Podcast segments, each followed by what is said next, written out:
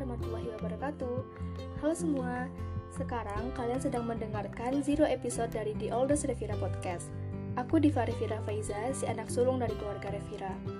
Dari statement barusan, kalian pasti tahu kenapa nama podcast ini The Oldest Revira Podcast. So, di Zero episode ini, aku mau bercerita tentang beberapa hal yang mungkin bakal ngejauh-jauh dari personality jadi, aku beberapa hari ini lagi seneng dengerin podcast di Spotify. Bahasannya lebih ke reality kayak how's the life going on, terus juga tentang personality dan habit, isu-isu terbaru kayak SJW atau social justice warrior yang baru-baru ini viral dan meresahkan.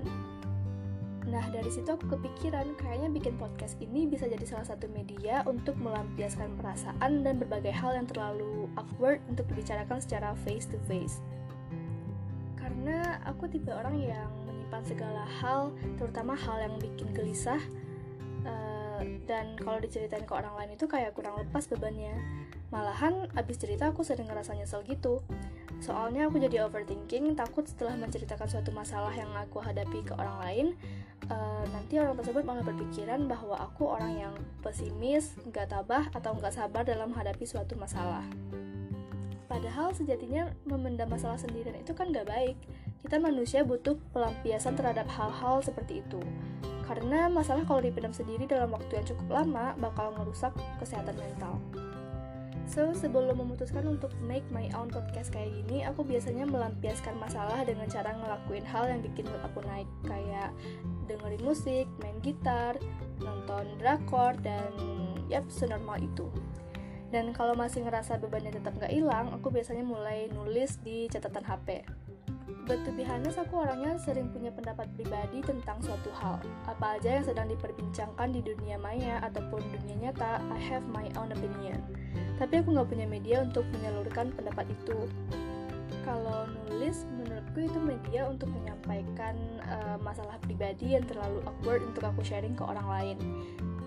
Jadi aku butuh media lain untuk menyalurkan my own thoughts atau pemikiran pribadiku terhadap suatu hal. Dan menurutku bikin podcast gini bisa membantu banget karena bisa menjadi media yang bagus untuk nyalurin hal tersebut. Really aku tipe orang yang gak bisa diam gitu aja saat suasana hatiku gak baik. Kalau ngerasa gak mood atau resah gitu aku butuh cara yang bisa ngebaikin kembali suasana hatiku as soon as possible. Karena emang gak nyaman banget dan juga dengan make my own podcast kayak gini aku pengen nemuin sisi lain dari diriku yang mungkin selama ini nggak ke explore terutama nih soal public speaking. Aku juga sama dengan kebanyakan orang gugup untuk tampil dan berbicara di depan umum. So aku pikir speak up di podcast ini sedikit banyaknya bisa mengasah kemampuan public speaking seseorang. Ya mungkin itu alasan aku memutuskan untuk bikin podcast dan harapanku sih nggak muluk-muluk pengen ini podcast viral. To be honest that's not my priority. Dan kalaupun beneran viral, aku menganggap itu sebuah bonus. Karena harapan utamaku adalah mudah-mudahan semuanya lancar dan podcastku ini benar-benar bisa kasih manfaat ke diri aku pribadi, at least bisa jadi media yang bisa menampung segala pemikiranku. Jadi aku nggak memendam semuanya sendirian lagi, nggak ngomong depan kaca sambil ngebayangin lagi sharing-sharing pengalaman ke audiens. It sounds crazy but really healing myself.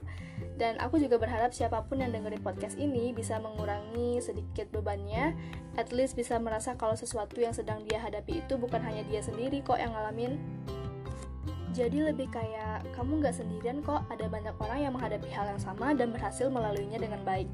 Jadi aku mau podcast ini jadi semacam support system yang relatable dengan kejadian yang kalian hadapi ataupun relatable dengan uh, pemikiran kalian pribadi. Karena jujur aku kalau lagi menghadapi suatu masalah, aku dengerin opini-opini orang lain yang dulu pernah ngalamin hal yang sama. Dan itu bener-bener bisa membantu untuk menyembuhkan atau healing banget bagi aku pribadi. So, itu dulu buat Zero episode kali ini. Terima kasih sudah menyisihkan waktunya dan mendengarkan sampai akhir. Tetap semangat. See you on the next episode. Assalamualaikum warahmatullahi wabarakatuh. Bye bye.